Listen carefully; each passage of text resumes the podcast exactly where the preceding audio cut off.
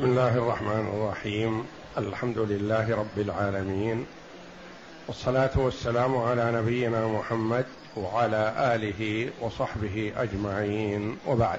بسم الله أعوذ بالله من الشيطان الرجيم. بسم الله الرحمن الرحيم.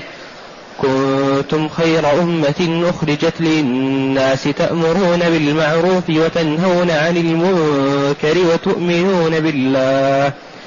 ولو آمن أهل الكتاب لكان خيرا لهم. منهم المؤمنون وأكثرهم الفاسقون. حسبك.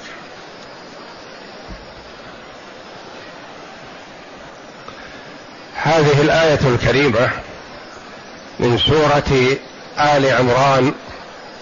جاءت بعد قوله جل وعلا تلك آيات الله نتلوها عليك بالحق وما الله يريد ظلما للعالمين. ولله ما في السماوات وما في الأرض وإلى الله ترجع الأمور. كنتم خير أمة أخرجت للناس تأمرون بالمعروف وتنهون عن المنكر وتؤمنون بالله.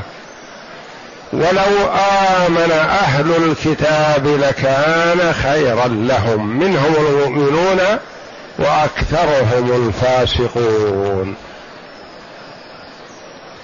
هذه الآية العظيمة فيها تفضيل أمة محمد صلى الله عليه وسلم لأن الخطاب للنبي صلى الله عليه وسلم وأمته.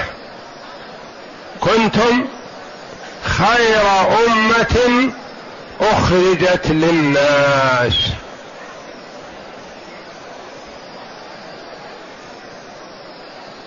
الأمم كثير. وهذه الأمة هي خيرها. يقول صلى الله عليه وسلم فيما رواه بهز بن حكيم عن أبيه عن جده أنه سمع رسول الله صلى الله عليه وسلم يقول في قوله تعالى كنتم خير أمة أخرجت للناس قال أنتم تتمون سبعين أمة أنتم خيرها وأكرمها عند الله. رواه الترمذي وقال حديث حسن. أنتم يا أمة محمد تتمون سبعين أمة. يعني الأمم الكبار. لأن النبي صلى الله عليه وسلم بالنسبة للأنبياء والرسل كثير. لكن التي الأنبياء اللي صار لهم أمم بهذا العدد والله أعلم. لأنه لما رؤي أري عليه الصلاة والسلام الأنبياء رأى النبي ومعه الرهط.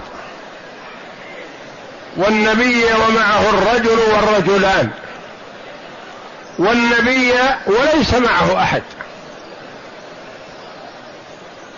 من الأنبياء عليهم الصلاة والسلام من لم يؤمن به من أمته أحد. من أمته وإلا ممن بعدهم من آمن بنبيه حقا آمن بجميع الأنبياء صلوات الله وسلامه عليهم أجمعين. لكن من أمته ما تبعه أحد. وقال أبو هريرة رضي الله عنه نحن خير الناس للناس نسوقهم بالسلاسل إلى الإسلام.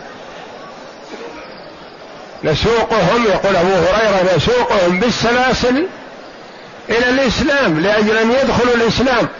فإذا دخلوا الإسلام دخلوا الجنة. وجاء في الحديث أن الله جل وعلا يعجب من قوم يقادون إلى الجنة بالسلاسل. يعني يفرون من الجنة ويقادون إليها بالقيود والسلاسل. يأسره المسلمون فيسوقونه. لماذا؟ يستخدمونه؟ لا. يسوقونه ليعبد الله وحده. فإذا عبد الله وحده فمآله إلى الجنة. فهو يساق إلى الجنة رغم أنفه ثم إذا أسلم تمكن الإيمان من قلبه.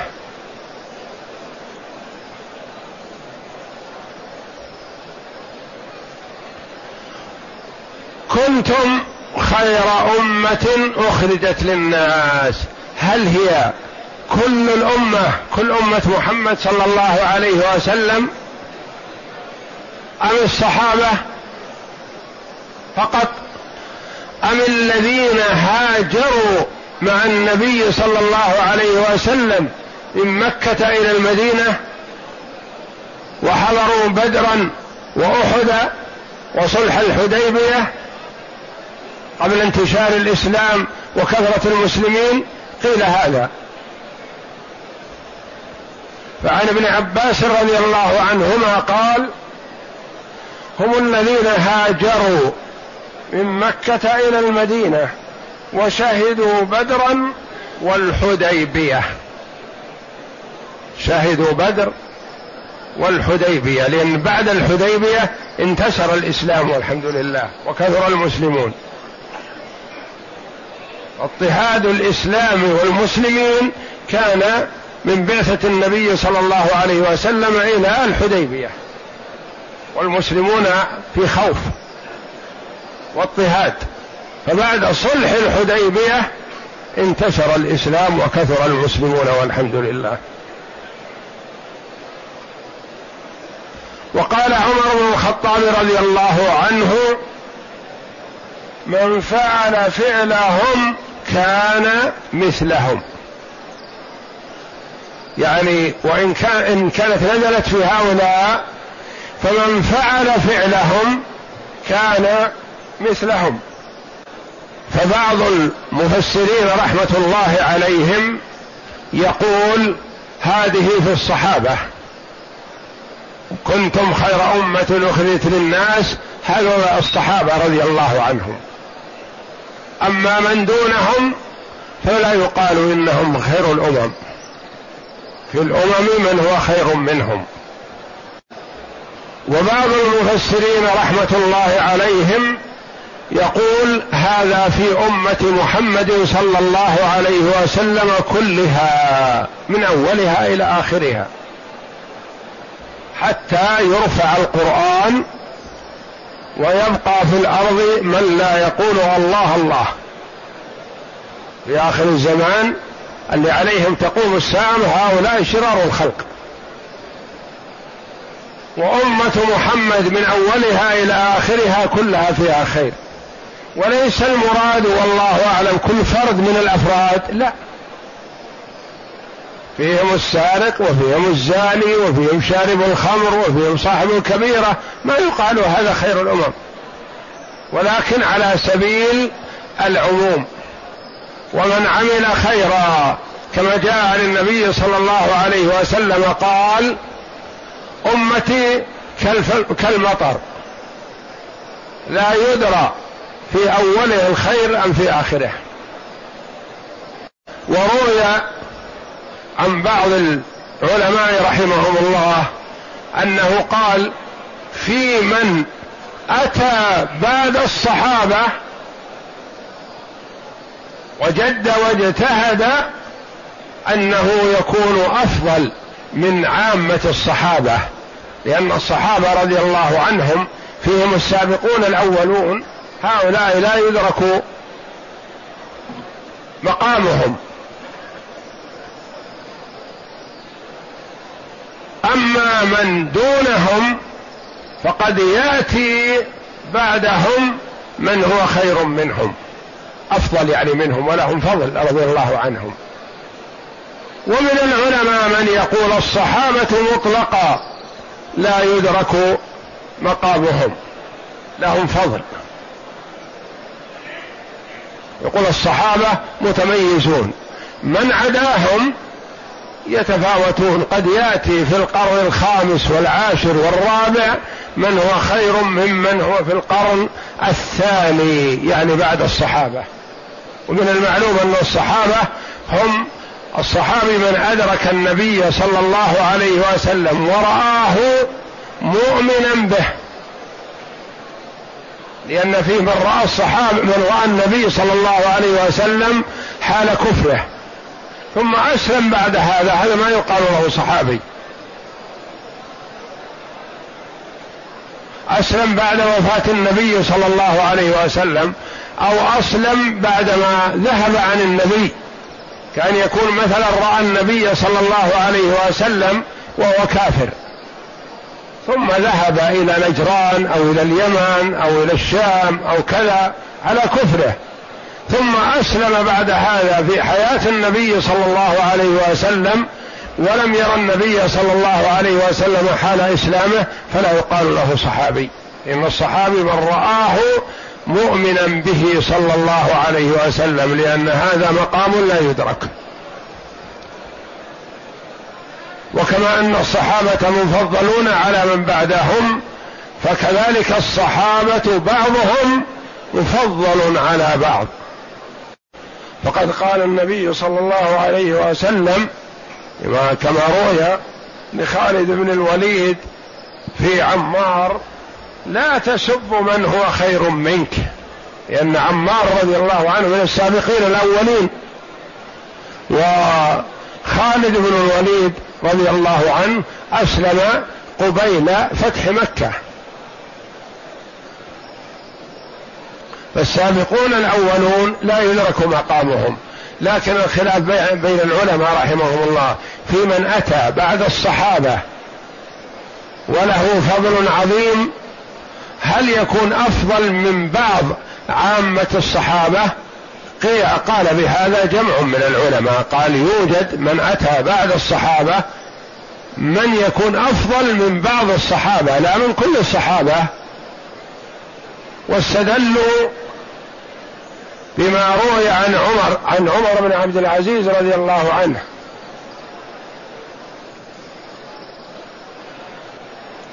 لما ولي الخلافة كتب إلى سالم ابن عبد الله ابن عمر بن الخطاب رضي الله عنه. ومن المعلوم أن عمر بن عبد العزيز جده لأمه هو عمر بن الخطاب رضي الله عنه. إلى سالم بن عمر بن عبد الله بن عمر بن عبد بن عمر رضي الله عنه بن الخطاب أن اكتب إلي بسيرة عمر بن الخطاب لأعمل بها. لأن عمر بن عبد العزيز رضي الله عنه يلحقه كثير من العلماء بالخلفاء الراشدين لأنه حكم بالعدل رحمه الله. وهو ما أدرك عمر بن الخطاب. ما أدركه. من كتب إليه كتب إلى سالم بن عبد الله بن عمر. يكون سالم جد عمر بن الخطاب. اكتب لي بسيرة عمر بن الخطاب لأعمل بها عشق طريقة الخلفاء الراشدين رضي الله عنهم ومن المعلوم انتشار الإسلام وقوته في زمن عمر رضي الله عنه لقوته وصلابته في الحق رضي الله عنه وطالت مدته أكثر من خلافة ابي بكر الصديق رضي الله عنه وإلا فلا شك أن أبا بكر أفضل من عمر بن الخطاب رضي الله عنهم أجمعين. فأبو بكر أفضل ثم عمر ثم عثمان ثم علي رضي الله عن الجميع. لكن عمر دونت الدواوين ورتبت الجيوش ورتبت العطاءات ونظمت الدولة في وقت عمر لأن أبا بكر الصديق رضي الله عنه اشتغل بحروب الردة وارجاع من ارتد عن الإسلام إلى الإسلام. ثم اشتغل بعد هذا ببعض الفتوحات وما طال عمره رضي الله عنه توفي بعدما كمل ثلاث وستين سنة عمر النبي صلى الله عليه وسلم فخلافته سنتان وشيء. خلافة عمر بن الخطاب رضي الله عنه ثلاث عشرة سنة وشيء. فمعناه أنه رتبت الأمور. فلذا قال عمر بن عبد العزيز لسالم بن عبد الله بن عمر بن الخطاب اكتب لي بسيرة عمر بن الخطاب ليعمل بها. فكتب إليه سالم إن عملت بسيرة عمر فأنت أفضل من عمر. ترغيبا له. يقول إذا عملت بسيرة عمر فأنت أفضل من عمر تكون. لما؟ لأن عمر رضي الله عنه من جنده؟ أكثرهم الصحابة وخيار الأمة. فيقول أنت جندك ليس مثل جند عمر. فإذا عملت بعمل عمر كنت أفضل منه. وهذا أحد الآراء عن العلماء رحمهم الله أن من جاء بعد الصحابة رضي الله عنهم وعمل بعمل الصحابة يكون أفضل من بعض الصحابة رضي الله عنهم. علل رحمه الله بقوله لأن زمانك ليس كزمان عمر. ولا رجالك كرجال عمر. وكتب كذلك عمر بن عبد العزيز رحمه الله إلى فقهاء زمانه فكلهم كتب إليه بمثل قول سالم رحمة الله عليهم كانهم اتفقوا على هذا أن من جاء بعد زمن الصحابة وعمل بعمل الصحابة ينال فضلهم. والنبي صلى الله عليه وسلم ذكر أن في آخر الزمان يكون المرء فيهم القابض على دينه كالقابض على الجمر. وقال له أجر خمسين. قالوا يا رسول الله منا أو منهم قال بل منكم. يعني المتمسك بدينه. الآمر بالمعروف والناهي عن المنكر والمؤمن بالله حق الإيمان عند فساد الزمان يكون له أجر خمسين من الصحابة رضي الله عنهم. فسأل استغرب الصحابة رضي الله عنهم لما يا رسول الله؟ يكون له أجر خمسين منا. قال لأنكم تجدون على الحق أعوانا وهو لا يجد. وجاء عن النبي صلى الله عليه وسلم أنه سأله أحد أحد الصحابة رضي الله عنهم هل أحد خير منا. قال نعم. قوم يجيئون من بعدكم. فيجدون كتابا بين لوحين فيؤمنون بما فيه. ويؤمنون بي ولم يروني. وسأل الصحابة رضي الله عنهم سألهم النبي صلى الله عليه وسلم فقال أتدرون أي الخلق أفضل إيمانا؟ قلنا الملائكة. قال وحق لهم بل غيرهم يعني هم وإن كان إيمانهم مكين لكن حق لهم ذلك لأنهم عند الله جل وعلا قلنا الأنبياء. قال وحق لهم بل غيرهم.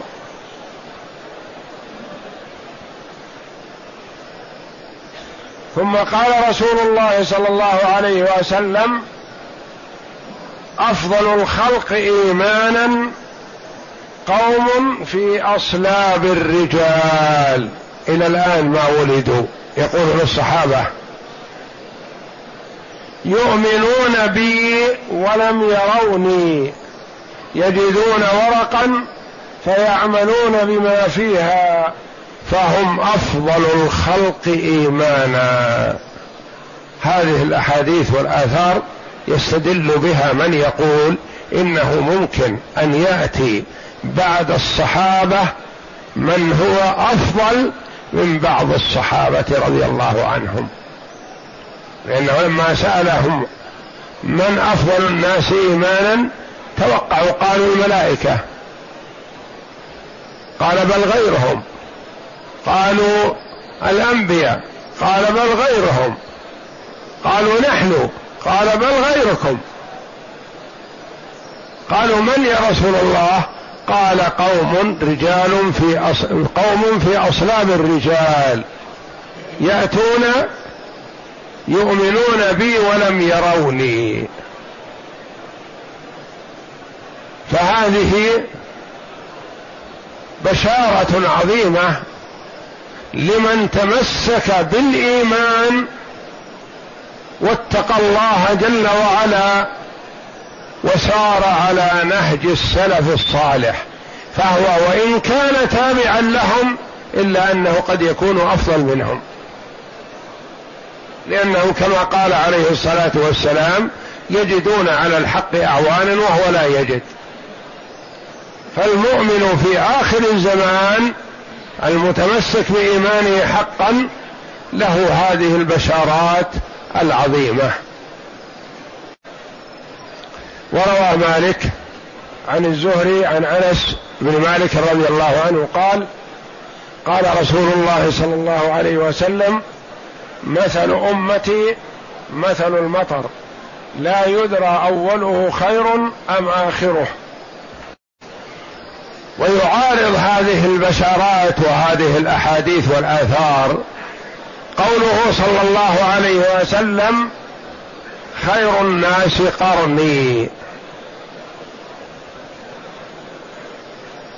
ثم الذين يلونهم.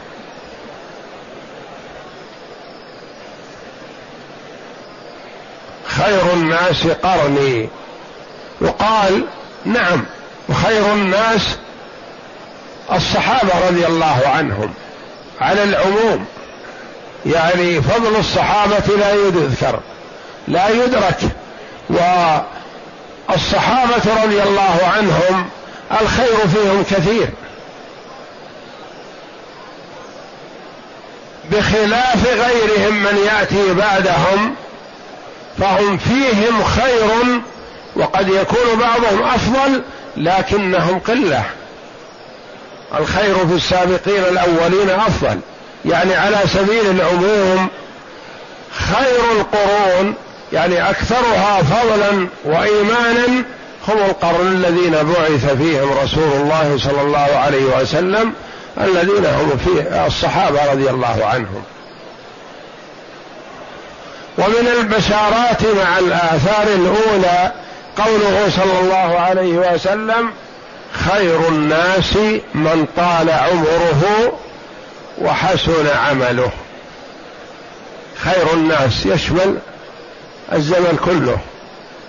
من نال هذا الخير فيعتبر من خير الناس من طال عمره وحسن عمله. بما هذه الخيرية. بما بينها الله جل وعلا بقوله. تامرون بالمعروف وتنهون عن المنكر وتؤمنون بالله.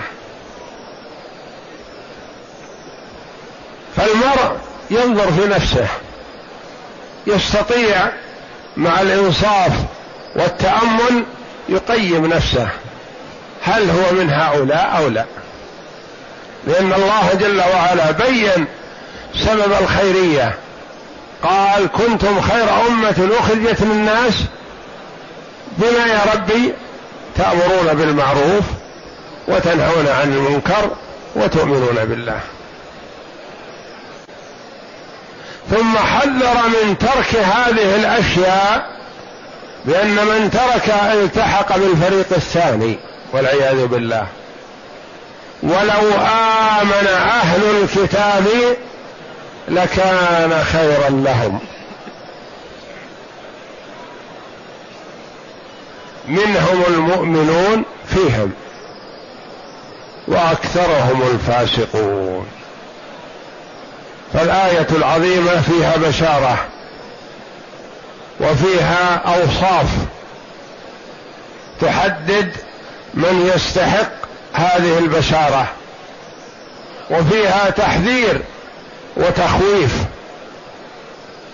أن من لم يكن كذلك أنه يكون متصف بصفة أهل الكتاب.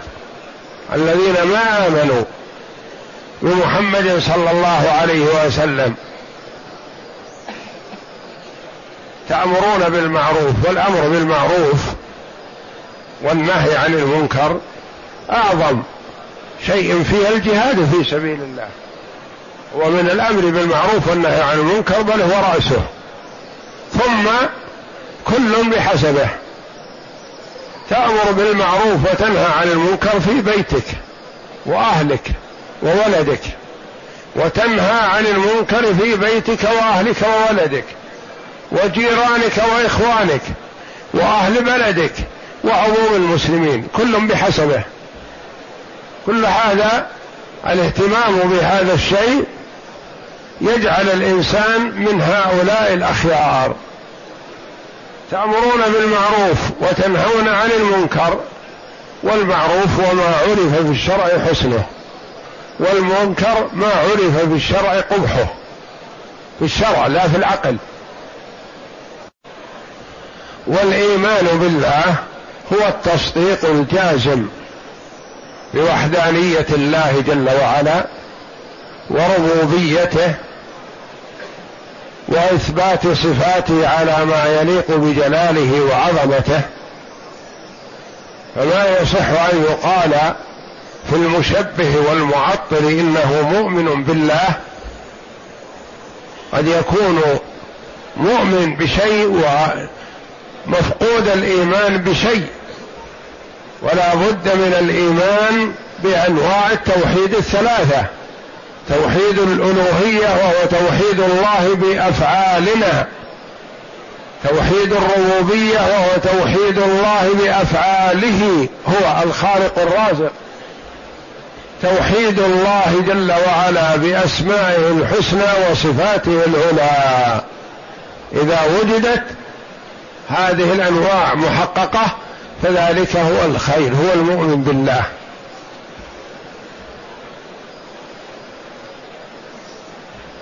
ولو آمن أهل الكتاب الذين كفروا بمحمد صلى الله عليه وسلم لكان خيرا لهم. لو آمنوا بمحمد الذين عرفوه وأيقنوا بصدقه وأنه النبي حقا وأنه مبعوث من الله جل وعلا لكان لهم الخيرية. لكنهم كفروا ففقدوا هذا. فأمة محمد كذلك. من آمنت الإيمان الحقيقي وأمرت وأمروا بالمعروف ونهوا عن المنكر لهم الخيرية. وإلا التحقوا بالفريق الثاني والعياذ بالله. ثم بين جل وعلا أن فيهم من أهل الكتاب فيهم مؤمن لأنه آمن. عدد من اليهود وهم قلة يعدون على الأصابع وآمن كثير من النصارى. وهؤلاء مؤمنون ويؤتون أجرهم مرتين رضي الله عنهم. منهم المؤمنون المصدقون. الموحدون لله تبارك وتعالى وأكثرهم الفاسقون الذين خرجوا عن طاعة الله والفسق والخروج عن الطاعة والتمرد أوامر الله تبارك وتعالى. فهو جل وعلا يرغب عباده في هذه الصفات الثلاث الطيبة ويحذرهم عن مشابهة أهل الكتاب في كفرهم بمحمد صلى الله عليه وسلم وفسقهم وخروجهم عن طاعة الله تبارك وتعالى.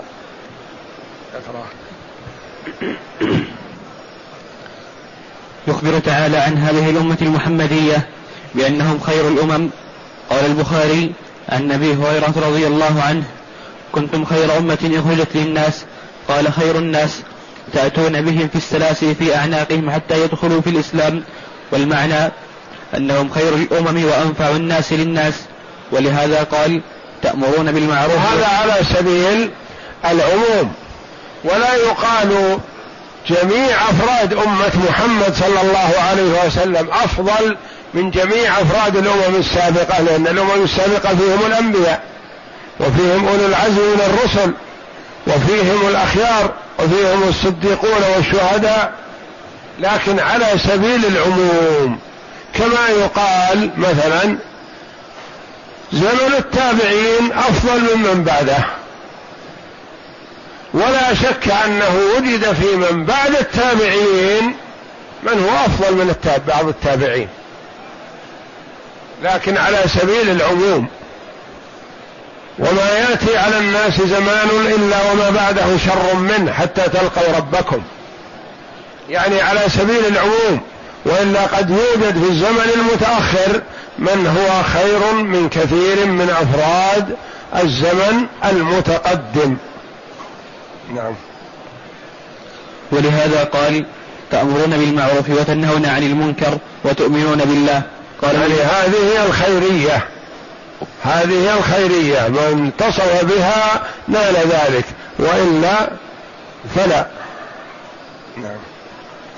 قال الإمام أحمد قام رجل إلى النبي صلى الله عليه وسلم وهو على المنبر فقال يا رسول الله أي الناس خير؟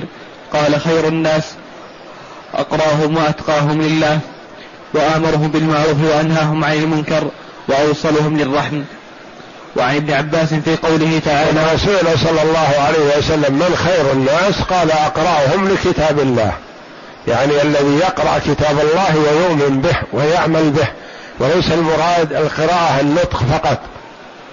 لأن من من يقرأ القرآن يقرأ القرآن والقرآن يلعنه والعياذ بالله. لأنه يقرأ على لعنة الله على الظالمين وهو يظلم. فهو يلعن نفسه بالقرآن والعياذ بالله. لكن إذا قيل أقرأهم وكما قال عليه الصلاة والسلام يؤم القوم أقرأهم لكتاب الله لأنه في الزمن السابق القارئ هو العالم هو الورع هو التقي هو المؤمن. نعم. وعن ابن عباس في قوله تعالى كنتم خير أمة أخرجت للناس. قال هم الذين هاجروا مع رسول الله صلى الله عليه وسلم من مكة إلى المدينة. والصحيح أن هذه الآية عامة في جميع الأمة كل كل قرن بحسب ابن كثير رحمه الله والصحيح وأنها عامة في الجميع ولا وليست منحصرة في الصحابة رضي الله عنهم أو في من أدرك النبي صلى الله عليه وسلم لأن الله جل وعلا يقول كنتم والخطاب للأمة. نعم. والصحيح. والصحيح أن هذه الآية عامة في جميع الأمة كل قرن بحسبه وخير قرونهم الذي بعث فيهم رسول الله صلى الله عليه وسلم ثم الذين يلونهم ثم الذين يلونهم كما قال في الآية الأخرى وكذلك جعلناكم أمة وسطا أي خيارا لتكونوا شهداء على الناس. الآية. وفي مسند أحمد وجامع الترمذي من رواية حكيم, حكيم ابن معاوية ابن حيدة عن أبيه قال قال رسول الله صلى الله عليه وسلم أنتم توفون سب سبعين أمة أنتم خيرها وأكرمها على الله. توفون يعني تتممون سبعين أمة يعني الأمم الكثيرة التي لها تشريع وبقيت زمنا وكثرة والله أعلم. نعم. أنتم خيرها وأكرمها على الله عز وجل. وهو حديث مشهور وقد حسنه الترمذي وإنما حازت هذه الأمة قصب السبق إلى الخيرات بنبيها محمد صلوات الله وسلامه عليه فإنه أشرف خلق الله وأكرم الرسل على الله وبعثه الله بشرع كامل عظيم لم يعطه نبي قبله ولا رسول من الرسل فالعمل على منهاجه وسبيله يقوم القليل من منه. ما يقوم القليل منه ما لا يقوم العمل الكثير من أعمال غيرهم مقامه. وفي الحديث وجعلت أمتي خير, خير الأمم. وقد وردت أحاديث يناسب ذكرها هنا. عن أبي بكر الصديق رضي الله عنه قال قال رسول الله صلى الله عليه وسلم أعطيت سبعين ألفا يدخلون الجنة بغير حساب ووجوههم كالقمر ليلة البدر قلوبهم على قلب رجل واحد. فاستزدت ربي فزادني مع كل واحد سبعين ألفا. فقال أبو بكر رضي الله عنه فرأيت أن ذلك آت على أهل القرى ومصيب من, من حافات البوادي. حديث آخر قال الطبراني عن عمران, عن عمران بن حسين قال قال رسول الله صلى الله عليه وسلم يدخل الجنة من أمتي سبعون ألفا بغير حساب ولا عقاب. قيل من هم؟ قال هم الذين لا يسترقون ولا يكتوون ولا يتطيرون وعلى ربهم يتوكلون. يعني اتصلوا بهذه الصفات أنهم لا يسترقون ولا يكتوون ولا يتطيرون وعلى ربهم يتوكلون. أربع صفات. وثبت تركوا المباح والمكروه والمحرم اتكالا على الله جل وعلا. والاسترقاء مباح. لكن تركه اتكال على الله. مثل من يترك الدواء اتكالا على الله. ما يطلب من أحد أن يرقاه.